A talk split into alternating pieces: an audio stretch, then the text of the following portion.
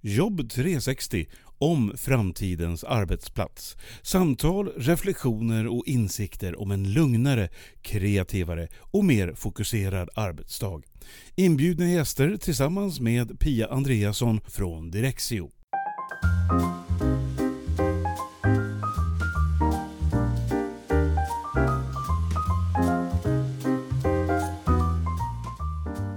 Hur kommer människors beteende på kontoret att ändras nu när vi får mer att välja på? De flesta som jobbar på kontor får ju nu valmöjligheter att jobba delvis hemma, delvis på kontoret. Och just det här med beteendena, det har jag grundat mycket på. Så jag har pratat med Mårten Westerberg och han jobbar på EIBA, European Institute of Behavioral Analysis. Han har varit med ända sedan 90-talet och eh, påverkat det här med de här medarbetarundersökningarna som man gör. Så har du någon gång svarat på en medarbetarundersökning så har du påverkats av Mårtens arbete. Och nu ska jag höra vad han har att säga om det här med beteendet på kontoret i framtiden.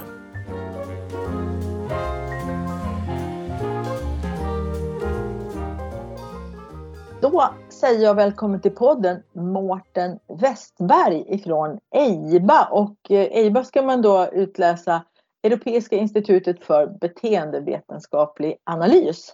Välkommen! Mm. Tack ska du ha. Det var jättekul att mm. Ja, du ska, du ska snart få berätta lite mer om vad du gör. Men anledningen till att mm. jag har bjudit in dig är ju att jag vill ju prata med någon som är väldigt kunnig om det här med människor och människors beteenden. Därför att jag mm. funderar jättemycket på hur kommer det att bli nu framöver när människor ska tillbaka till kontoret som inte längre är kontoret som det var förr. Vad, vad kan man mm. förvänta sig att de, hur de reagerar och hur man, hur man nu bygger tillsammans någon slags arbetsgemenskap i det här nya? Mm. Så det är vad vi ska spåra kring idag. Men Mårten, berätta lite mer om dig själv. Vad är det du gör så här till vardags i EIBA då? Jag jobbar med analyser av motivationsfrågor. Det kanske mest kända är att för tio år sedan ungefär äntligen knäckte koden för att kunna förutsäga börskursförändringar utifrån medarbetarundersökningsresultat. Och det är då, ska vi säga, kulmen på ett arbete som började 1990-91 då jag kunde förklara en femtedel av variationen i lönsamhet på en stor affärsbank och på ett stort bilföretag och i ett försäkringsbolag. Och sen så, så har jag jobbat med stort sett alla de här värdedrivande processerna i företag. Produktivitet, eh, innovativitet och frisk närvaro förstås och sånt här. Och kunnat förklara rätt stor del av samtliga de här processerna utifrån medarbetarundersökningsresultat. Så du menar att om du, man ställer rätt frågor och drar ut rätt eh, resultat av svaren så kan man alltså tala om hur det här företaget kommer att bete sig på börsen framöver? Ja, som så koncernchefen på ett av Sveriges absolut för, största företag sa vid något möte med alla sina chefer att jag skulle kunna styra det här eh, företaget med enbart det här medarbetarundersökningsindexet som enda parameter. Det räcker. Och det har han ju helt rätt i, därför att alla värdedrivande processerna, de drivs ju av människor. Om människorna då är engagerade och brinner för det de håller på med, älskar det, eller om de fysiskt närvarande för att få sin lön. Det är klart att det gör en jättestor skillnad på försäljningen, på innovativiteten, på hur kvaliteten i fabriken, precis varenda process. Mm. Och, och precis varenda process påverkar i slutändan både lönsamheten och aktiekursen. Så klockrena samband helt enkelt. Ja. Eh, nu tänkte jag ju be dig gissa lite grann här framåt utifrån det du har mm. sett bakåt i tiden och så. Den här jättestora förändringen som pandemin har inneburit när människor först blev tvungna att jobba hemma. Mm. Eh, många av dem upptäckte att nej, det här gick ju ganska bra. Mm. Vissa saknar sina kollegor, det som var på kontoret. Sen såg man ju också företag som sa att vi måste tillbaka till kontoret eller hur, hur många dagar i veckan så att säga, inom citationstecken måste man vara på kontoret? Det var mm. mycket stora frågor här i våras då när, när de här restriktionerna lättade. Mm. Först tänkte jag fråga dig, hur ser du att medarbetare har reagerat på de här förändringarna som har varit de senaste två åren? Vad, vad har de upplevt och vad har de landat i? Jag kan säga att två av tre som, som kunde jobba hemifrån älskade ju att jobba hemifrån.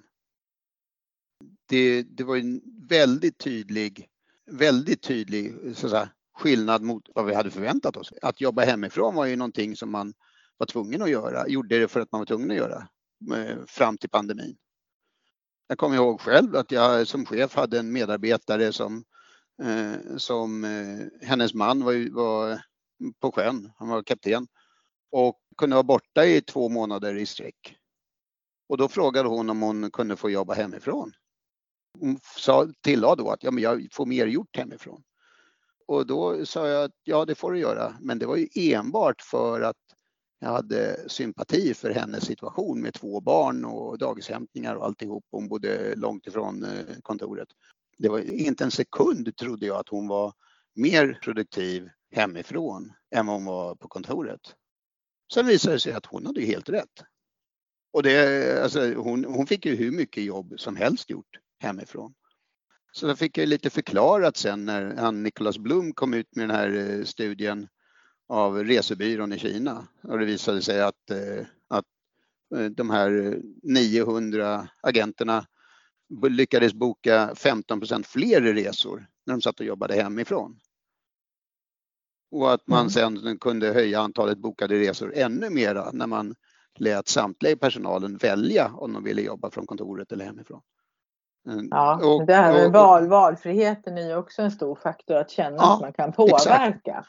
Ja, exakt. Och där, där såg vi också att folk som var extroverta, de trivdes ju generellt sett bäst med att jobba hemifrån.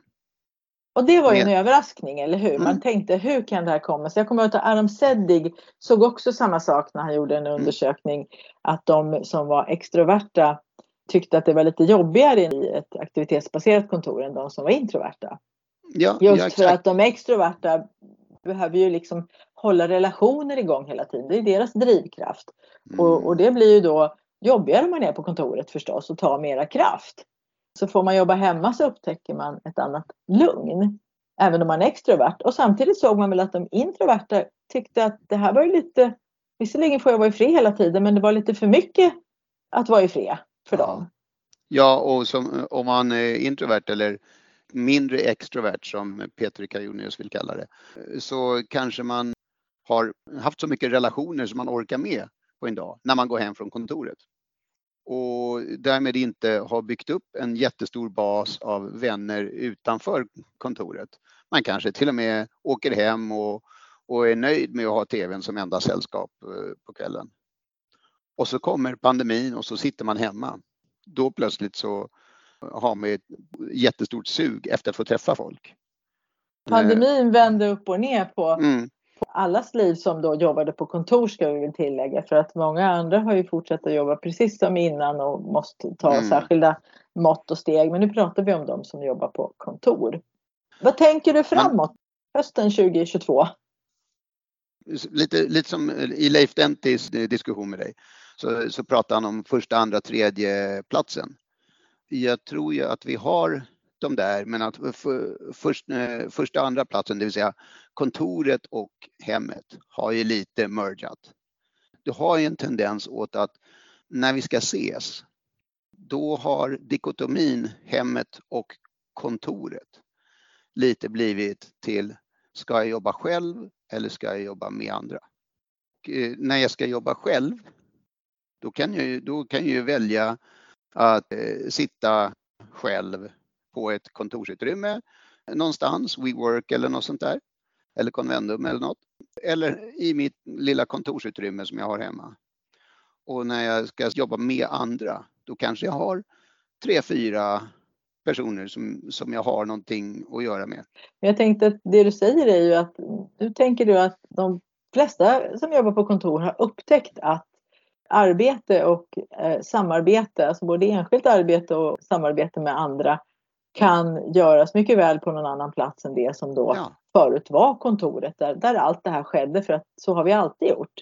Ja, exakt. Kontoret tror jag är borta om 15-20 år.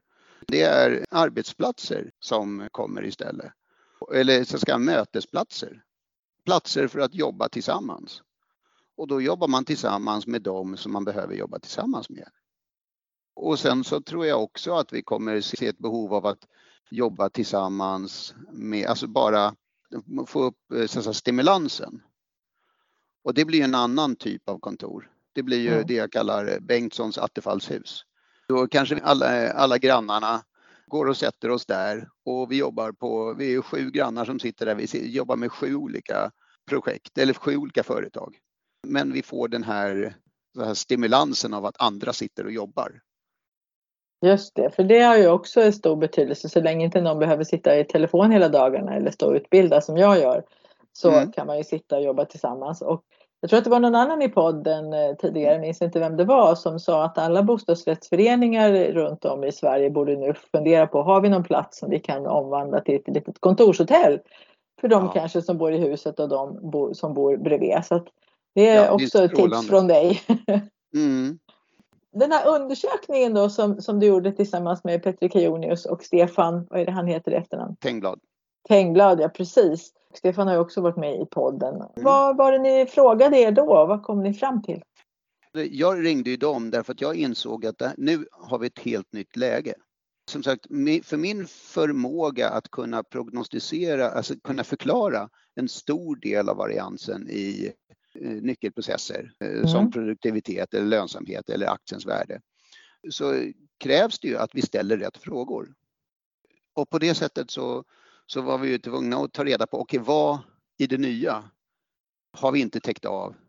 Och då ställde vi ett stort gäng frågor kring hur det är att jobba hemma. Och så här, har du någon annan som jobbar hemma och trivs din partner med att jobba hemma i så fall? Och hur stort bor du? Och vi tittar på var bor du? För att kunna beskriva vad är annorlunda vid hemarbete jämfört vid kontorsarbete vi ställde frågan till 1500 svenskar. 500 av dem jobbade hemifrån.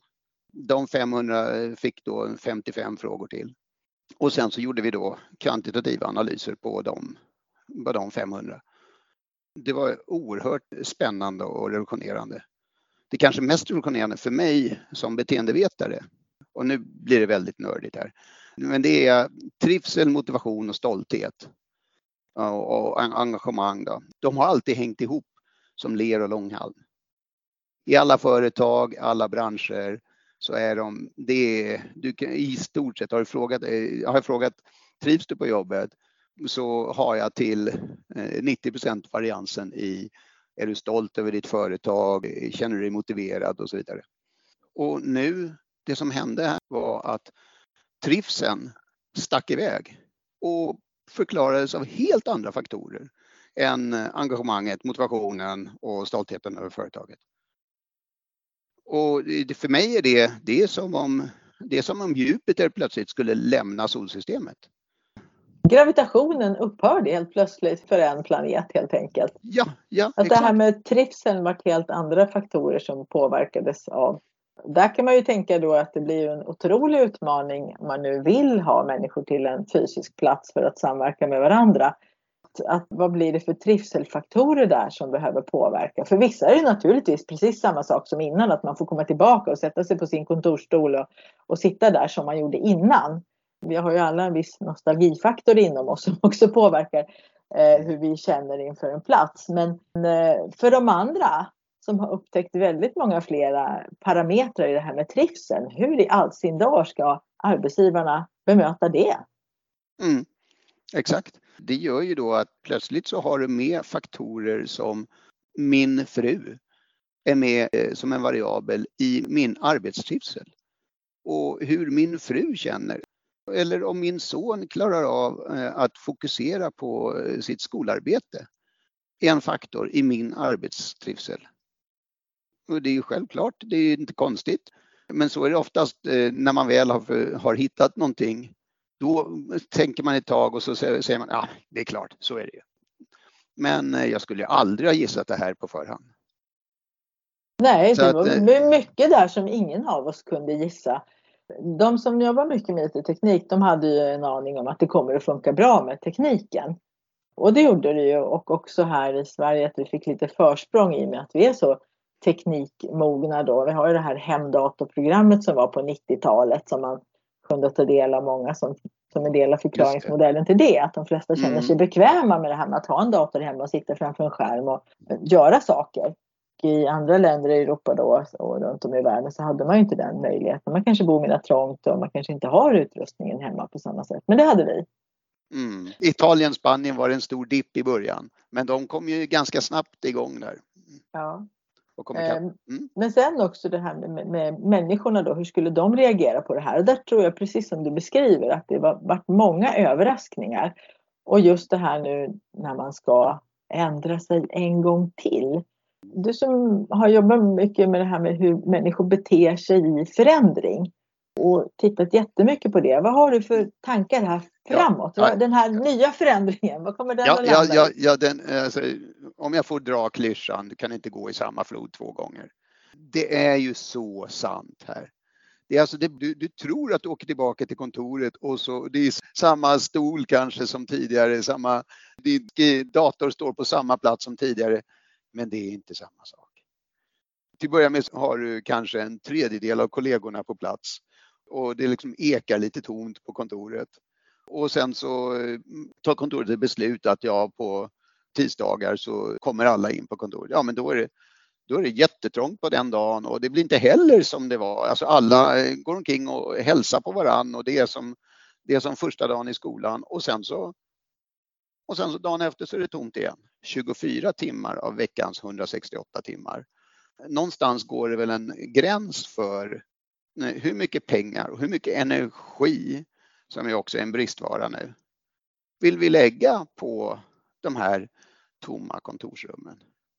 Det, jag har det... ju haft en tanke att det är också, som du är lite inne på nu, en miljöaspekt av det här för att ta ett sidospår då. då att varför ska vi tillverka och belysa och värma upp och, och möblera då ytor som inte används mer än några få timmar i Exakt. veckan och, använd, och använder jag enorma mängder olja på att eh, sitta i bilköer till jobbet och sen från jobbet fem dagar i veckan.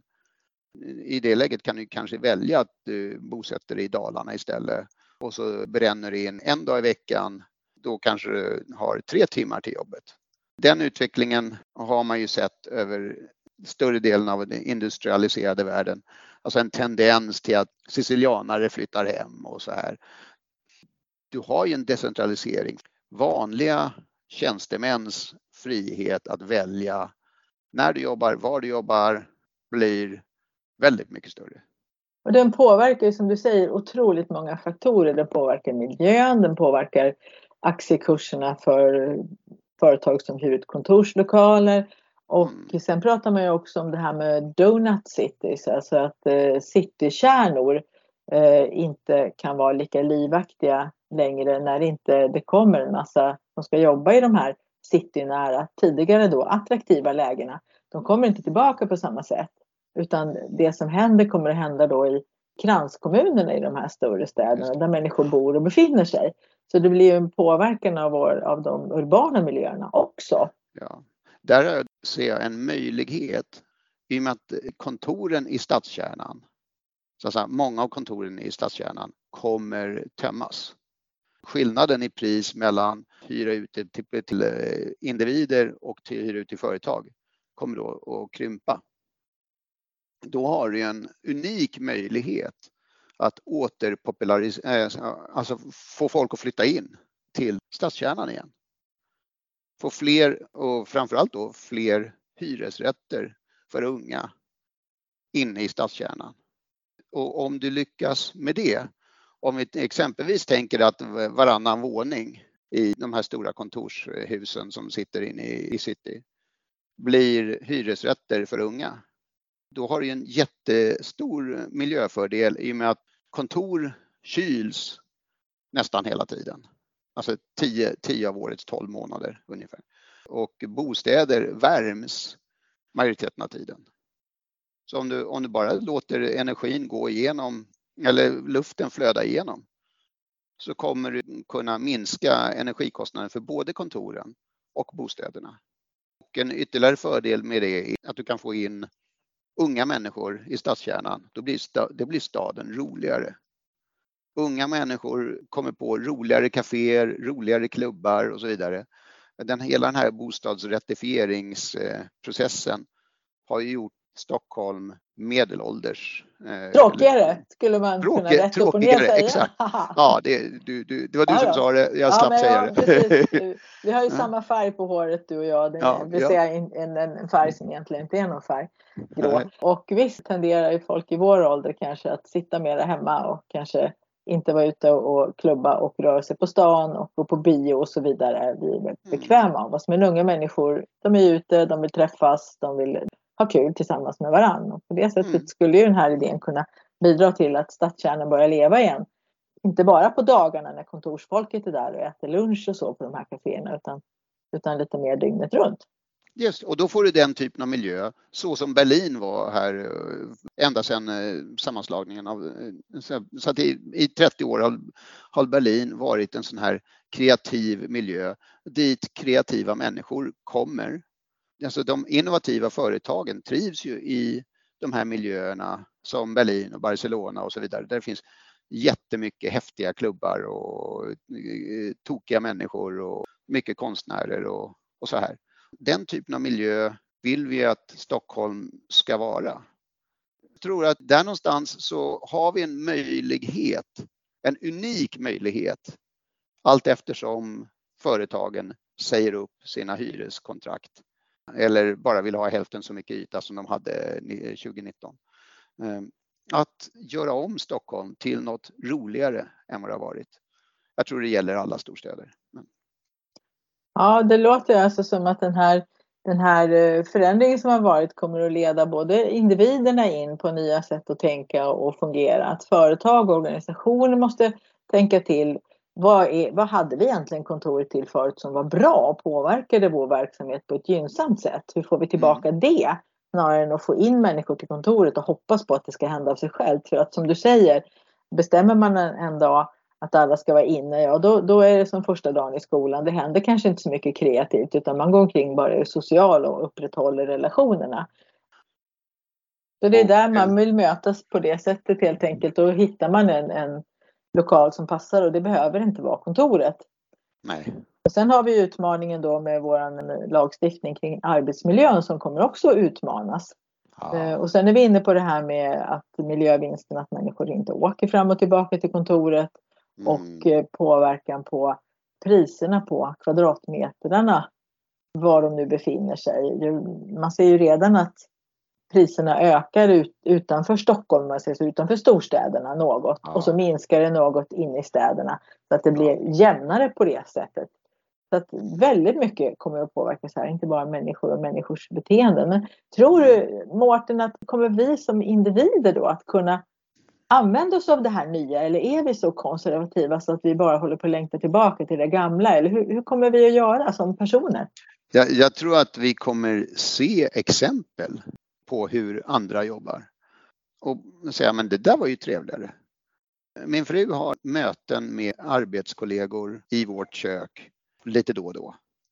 Då sitter de några stycken där och jobbar tillsammans, kanske under en, upp till en hel dag och har det jättebra och tycker att det är mycket roligare att sitta där än att sitta på, på kontoret.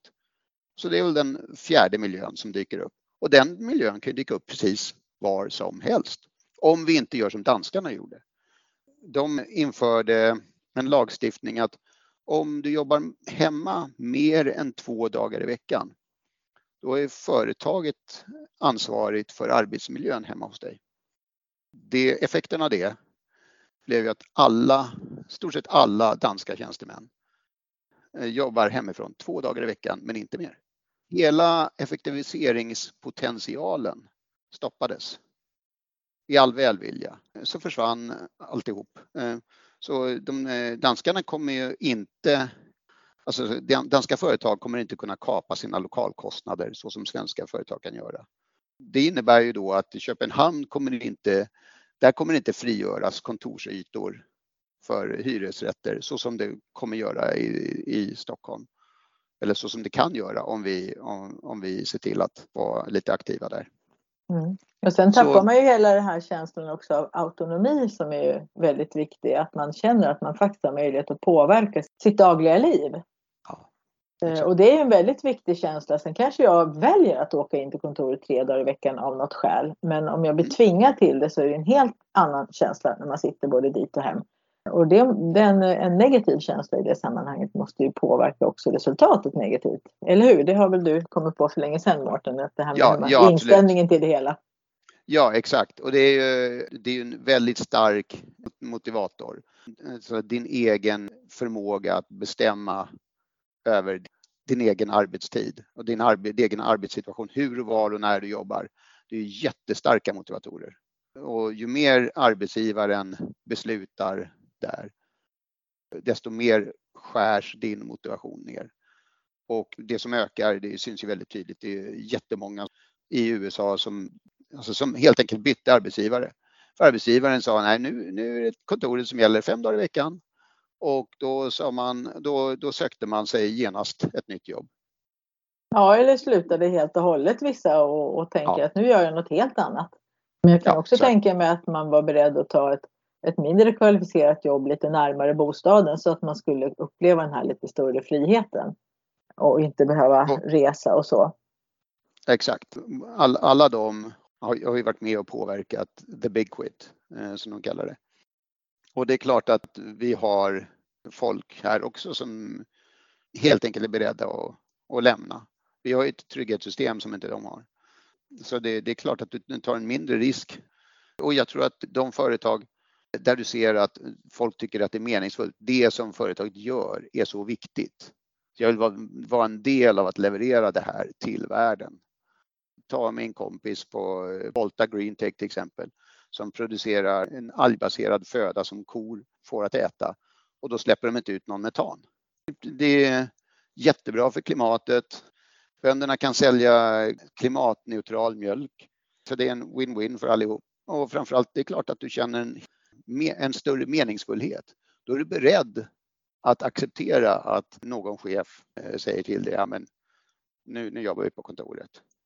Jo, det, fin det, finns ju flera mindre företag där, som har det just på det viset att de har sagt att vi behöver alle man på däck helt enkelt för att i vår fas i vårt företagande så händer det så otroligt mycket när människor träffas. Vi måste träffas och prata just för att ha den här passionen vid liv som man har tillsammans. Mm. Och då är det en helt annan sak. Då hör man ju inte att någon där klagar. Men eh, vänder man på steken då så har vi Torbjörn Svedung från Melleruds kommun som redan för drygt tre år sedan före pandemin sa i den här podden att det här med att jobba på distans och digitalt, att han såg det som en fullständig nödvändighet i framtidens arbetsliv. Även i kommuner då. Jag jobbar ju mycket och utbildar i kommuner. Och han sa då att jag funderar på att starta en hubb i Göteborg För jag kan inte tänka mig att i framtiden att de, den kompetens jag behöver, att alla de är beredda att flytta till Mellerud. sa han. Och det, det var ju ja. väldigt klokt och insiktsfullt redan då så att jag hoppas att han har startat sin hubb i Göteborg för länge sedan och att det mm. sitter bygglovshanterare och kanske alla möjliga personer där som bor i Göteborg istället för i Mellerud. Ja, exakt. Ja, det är strålande och det är ju någonstans så förväntar jag mig att Moderaterna med deras eh, eviga vilja att sänka kommunalskatten ska hoppa på det här tåget se att ja, men då, då har vi sänkt kontorskostnaderna och där kan vi dra bort två kronor på kommunalskatten. Så har vi liksom gjort det samtidigt som folk, ja, som vi, som vi sa, slipper pendla till jobbet och sånt där. Så, Ja, eller som i Täby att man säljer, river gamla huset som inte gick att renovera och säljer tomten för mycket pengar och tar en del av de pengarna och bygger ett nytt modernt kommunhus som inte alls gör av med lika mycket energi och som är aktivitetsbaserat där människor känner att jag vill faktiskt inte gå härifrån. Det är trevligt här. Så kände de innan pandemin. Nu vet jag inte jag, nu kanske det har för mycket yta där med, men då är det kanske lätt som du säger att omvandla vissa ytor till ja, kontorshotell kanske, få in lite mer folk. Och där tror jag, jag tror ju inte att vi ser att arkitekterna har en dålig arbetsmarknad framöver. Om vi tror att, eh, så att säga, mängden kontor minskar så tror jag att det finns ett större sug för lyxiga kontor som folk längtar till än tidigare. Personalen är inte längre boskap som eh, du bara pekar på. Här är kontoret och här är din plats. Utan personalen ska nu välja var hen vill arbeta. Och då blir det de här så säga, galet tråkiga eh, kontorslandskapen eller, eller korridorerna med, med varsitt, lite, varsitt litet rum. De är inte konkurrenskraftiga längre. Nej, de, och... de kommer bara stå där och eka. Och sen det här också som jag har pratat om i podden tidigare, att man behöver identifiera vad var det då som hände på kontoret förut när vi föste in alla på samma ställe? Om de var där, vad var det positiva utfallet av det? Och hur återskapar vi det nu i den här nya kontexten när människor faktiskt, som du säger, två tredjedelar av de som jobbar på kontor trivs jättebra hemma. Hur ska vi återskapa det som var värdefullt på kontoret förr i tiden? Det. det. Det, blir superspännande. Du får skriva nya ja. undersökningar här nu Mårten och kolla upp ja. hur väl man har lyckats få till den här positiva utfallet av fenomenet kontor. Ja, ja alltså det som jag har tjatat om till alla företag eh, som jag har kontakt med, det, det är det här med att det här är inte ett tillfälle att ta beslut om hur vi ska jobba. Utan det är ett tillfälle att ha ett så att säga, experimentellt mindset. Och då säga okej, okay, nu, nu mäter vi hur de olika delarna av företaget jobbar och så ser vi vad som funkar. Möjligen att man då kan säga ja, men under tre månader nu så får de här grupperna nu jobba på, på kontoret. Och, nu, och sen har vi tre månader när ni får välja var ni vill jobba. Och sen har vi tre månader när ni inte får vara på kontoret. Ni får ses men inte på kontoret. Ni får ses var som helst. Men, och så utvärderar man hur funkade det Eh, period 1, 2, 3. Och så kommer man upptäcka att ja, men för de här kategorierna så är version 1 bäst. För de här kategorierna så är version 3 bäst och så vidare. Då har du ju verkligen eh, så att säga, skaffat dig ett bra underlag för intelligent beslutsfattande. Men de flesta företag, de flesta eh, myndigheter är alldeles för beslutskåta. De, eh, så de pangar på från bakfickan och, och liksom, eh, ja men nu, nu tar vi det här beslutet. Mm. Möjligen så läser man någon studie eller något sånt där. Och, men, men egentligen så läser man bara de studierna som stämmer överens med den eh, bild man redan hade. Och så har det ett möte i ledningsgruppen och så beslutar man. Ja, och jag tänker faktiskt nu kommer jag in på tomatodling här, vilket bara bevisar hur, hur mina associationsbarn och eh, mm. far Eh, jag har ju odlat en del tomater i mitt liv och jag vet ju det att man kan ju inte bara beordra ett tomatfrö att gro. Det går inte. Utan det jag behöver göra är att skapa den optimala förutsättningen för detta tomatfrö att gro. Och om det är någon tomatodlare som lyssnar nu eller någon som har odlat tomater så vet ni att det är ju jädra meck om man får säga så. Det får inte vara för varmt för då torkar de ut och det får inte vara för kallt och lagom med vatten och rätt sorts jord och plantera om i tid och så vidare. Så att eh, det handlar ju helt enkelt inte om att ta beslut, nu ska vi göra så här, utan det handlar om att skapa förutsättningarna för att det ska växa.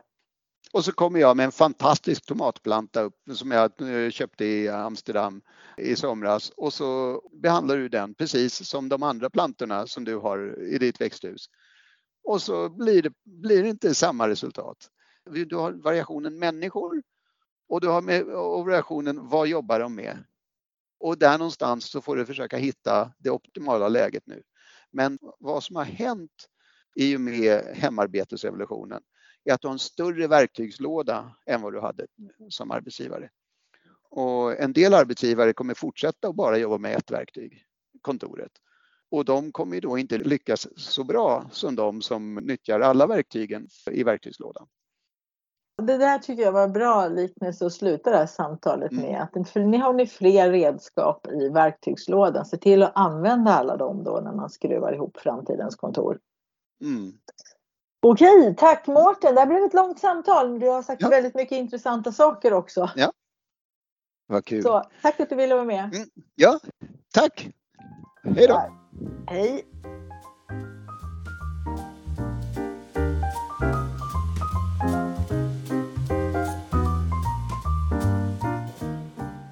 Kontoret är borta om 15-20 år, sa Mårten.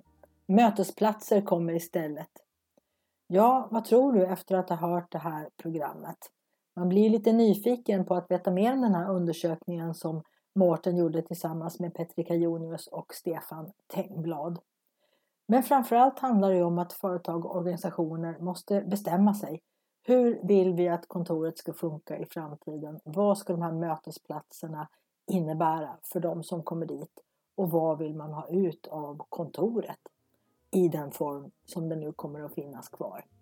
Tack för att du lyssnar på Jobb 360.